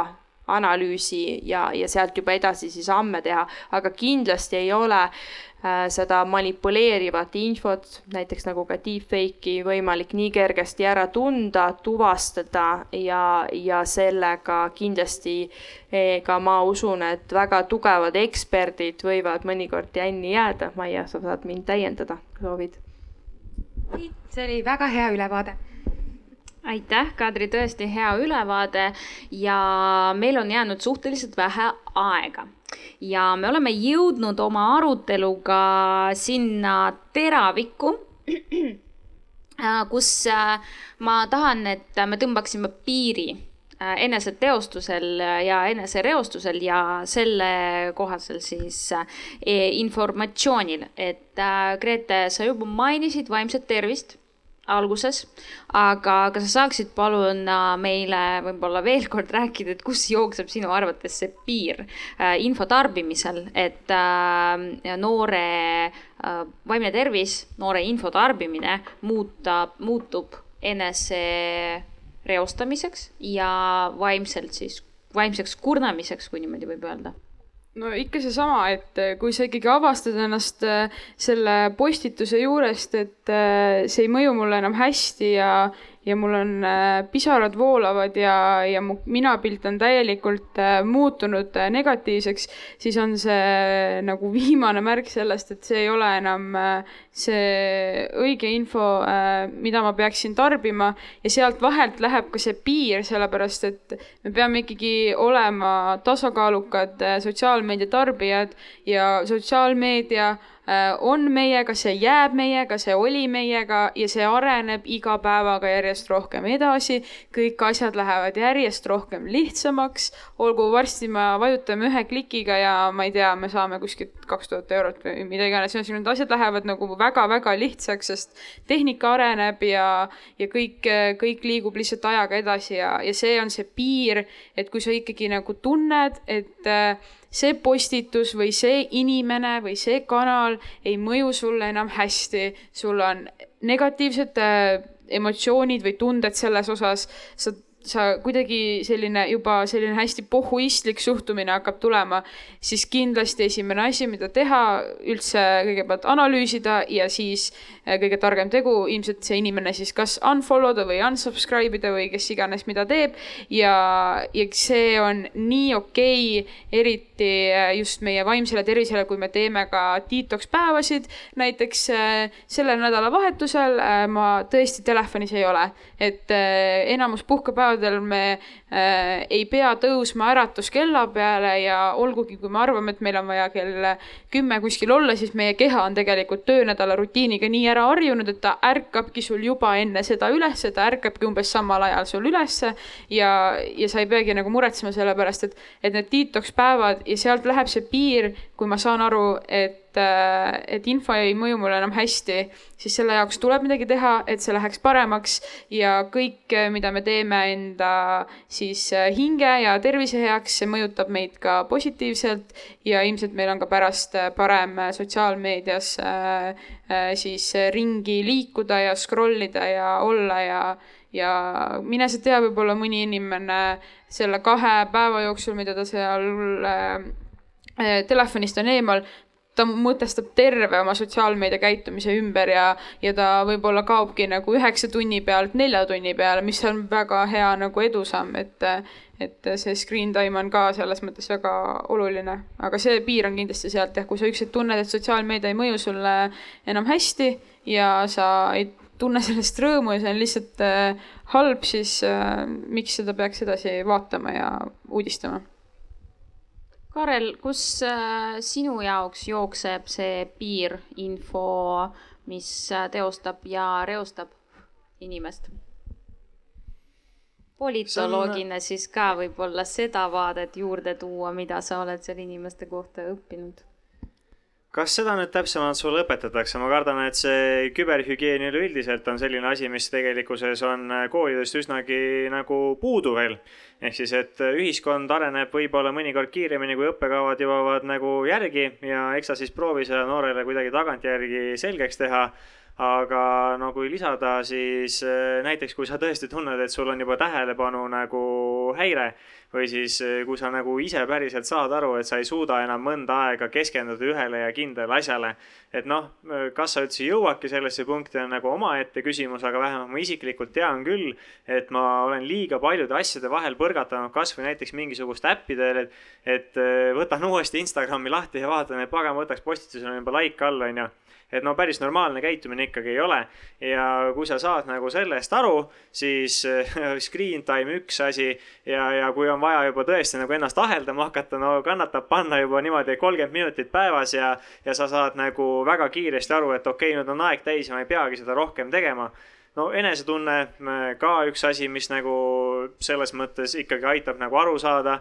kas on eh, hea või halb emotsioon sellest tekkimas, et eh, maailmas on tohutult palju negatiivset. ma tean, et sina rääkisid näiteks sellest Ukraina teemast ja võib-olla inimestel on sarnast. ma tõusin hommikul ülesse, ma lugesin pool tundi, ma läksin õhtul magama, ma lugesin samamoodi pool tundi ilma eranditeta, kolmkümmend päeva järjest, sest et mulle läks väga korda ja see on äh, nagu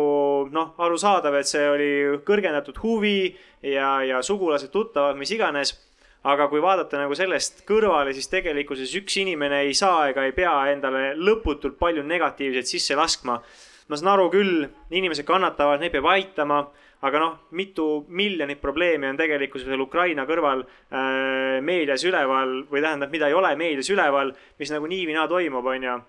et äh, meil ei ole seda kõike vaja tarbida, meil ei ole seda kõike vaja endasse lasta äh,. proovime siis hakkama saada sellega, et tunnetame ära, mis see meie piir on aitäh. Äh, ma palun teid teha uuesti lahti Mentimeetri, menti.com ja tuleb äh, teine küsimus. milline on noort teostav info? Äh, ja kirjutage omadussõnu, et meil tuleb sihuke sõnapilv, siis palun kõikidel seda teha, kirjutada ja multitask ida praegu, sest me jätkame aruteluga, sest meil on jäänud täitsa kuus minutit meie kokkuvõtteks. head panelistid, ähm, ma tahan, et te nimetate tänase arutelu kokkuvõtva sõna, mis teile jäi kõlama kõige rohkem. meie siis teemaks oli info eneseteostus, enesereostus, piiri tõmbamine äh,, kuidas leida infot, mis sind siis noh, mis on kvaliteetne, et see teostab sind, tuli väga palju näiteid, rääkisime erinevast infost, nii ma ei tea, õngitsuskirjadest kui ka uudiste lugemistes äh, sõja alguses. et äh, palun võtke kuidagi kokku, võib-olla ühe sõnaga ei tule välja, aga väga-väga lühidalt kui see sind ei aita, kui see sind rõõmsaks ei tee, järelikult sul pole seda vaja. huvitav, mina võtsin täpselt vastupidised asjad siit kaasa. et mulle tundus ka, et ähm, me võib-olla ei pannud sinna väga palju fookust, ehkki Kadri rääkis sellest äh, teiste sõnadega, et me ei ole väga palju rääkinud tähelepanust ja võib-olla see oleks minu jaoks kõige olulisem osa siit, et me oleme hästi palju rääkinud sellest, mis on mulle hea, mis tekitab minus head tunnet, eks ole, aga nagu räägitud Kadri poolt, sotsiaalmeediaplatvormid eksisteerivad sekundid silmamunasid ei ole enam klikipõhine majandus, ei ole isegi küsimus selles, kedagi ei huvita, kas sa lähed närvi, kas sa paned vihase reaktsiooni või kas sa saadad seda sõbrale, sest sulle ei meeldinud see. iga veedetud sekund mingil platvormil või mingisuguse sisu juures ütleb, ma tahan seda veel. nii et võib-olla see võiks olla ka asi äh, mida nagu lisaks endale mõtlemisele võiks äh, mõelda noor, kes tahab, et info toetaks tema eneseteostust. tarbi sellist infot, nagu sa tahad, et ka tulevikus oleks. kõik tahavad, eks ole, ju raha teenida, siin valdkonnas ka. nii et hääletame oma tähelepanuga selle poolt, mida me tahame rohkem ja proovime mitte anda oma silmamunasid infole, mis ei toeta eneseteostust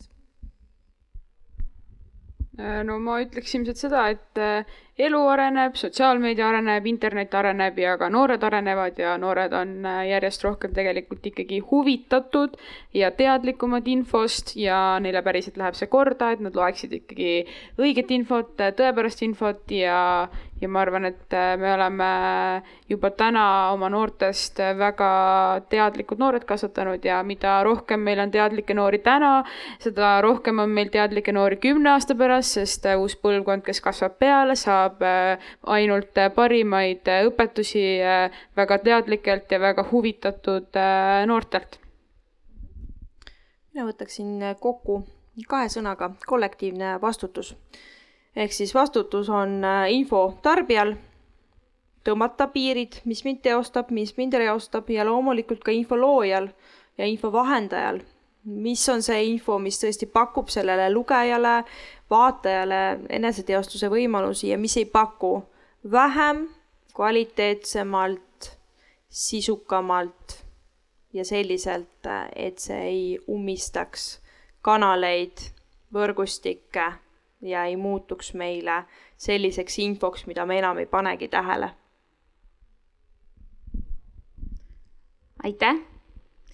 mina otsustasin, et mina võtan kokku äh, ühe sõnaga, selle sõnaga, mis tuleb siia ekraanile kõige äh, suuremalt ja see sõna on usaldusväärne see tähendab, et see sõna tuli kõige rohkem teilt sealt, noh, vastuseid, et sellepärast ta on kõige suuremalt ja mis järelduse me võime siit teha, et äh, info on meil ikkagi selleks noortel,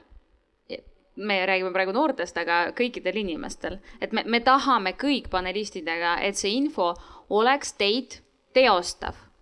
mäletame seda, et eneseteostav info on see, mis aitab teil arendada teie andeid, arendada teie oskusi, arendada teie analüüsimisvõimed ja siis neid kogemusi mõista see on see info, mis on teile vaja. võtame kaasa täna sellised nipid nagu kustutame ära sotsiaalmeediast äh, jäl-, noh, seda, keda te jälgite, kes äh, ei too teile rõõmu piirame oma meedia uudiste siis äh, tarbimist äh, nii palju, et ei uuenda päeva jooksul sada korda uudisteportaali, vaid te võtate aega hommikul ja te võtate aega õhtul. Või te valite kaks kanali, mitte viisteist kanalit, kus te hakkate infot tarbima aga ka kõik need soovitused, mis olid äh, selle kohta, et kontrollige, kas see on päriselt usaldusväärne, kvaliteetne äh,, vajalik, konkreetne, kättesaadav ja kõik sõnad, mis siin on, info. Teiega siin olid oma ala eksperdid, ma väga tänan teid selle arutelu eest ja aitäh teile, kallis publik, et kuulasite meid lõpuni ilusat õhtut ja head noortepäeva!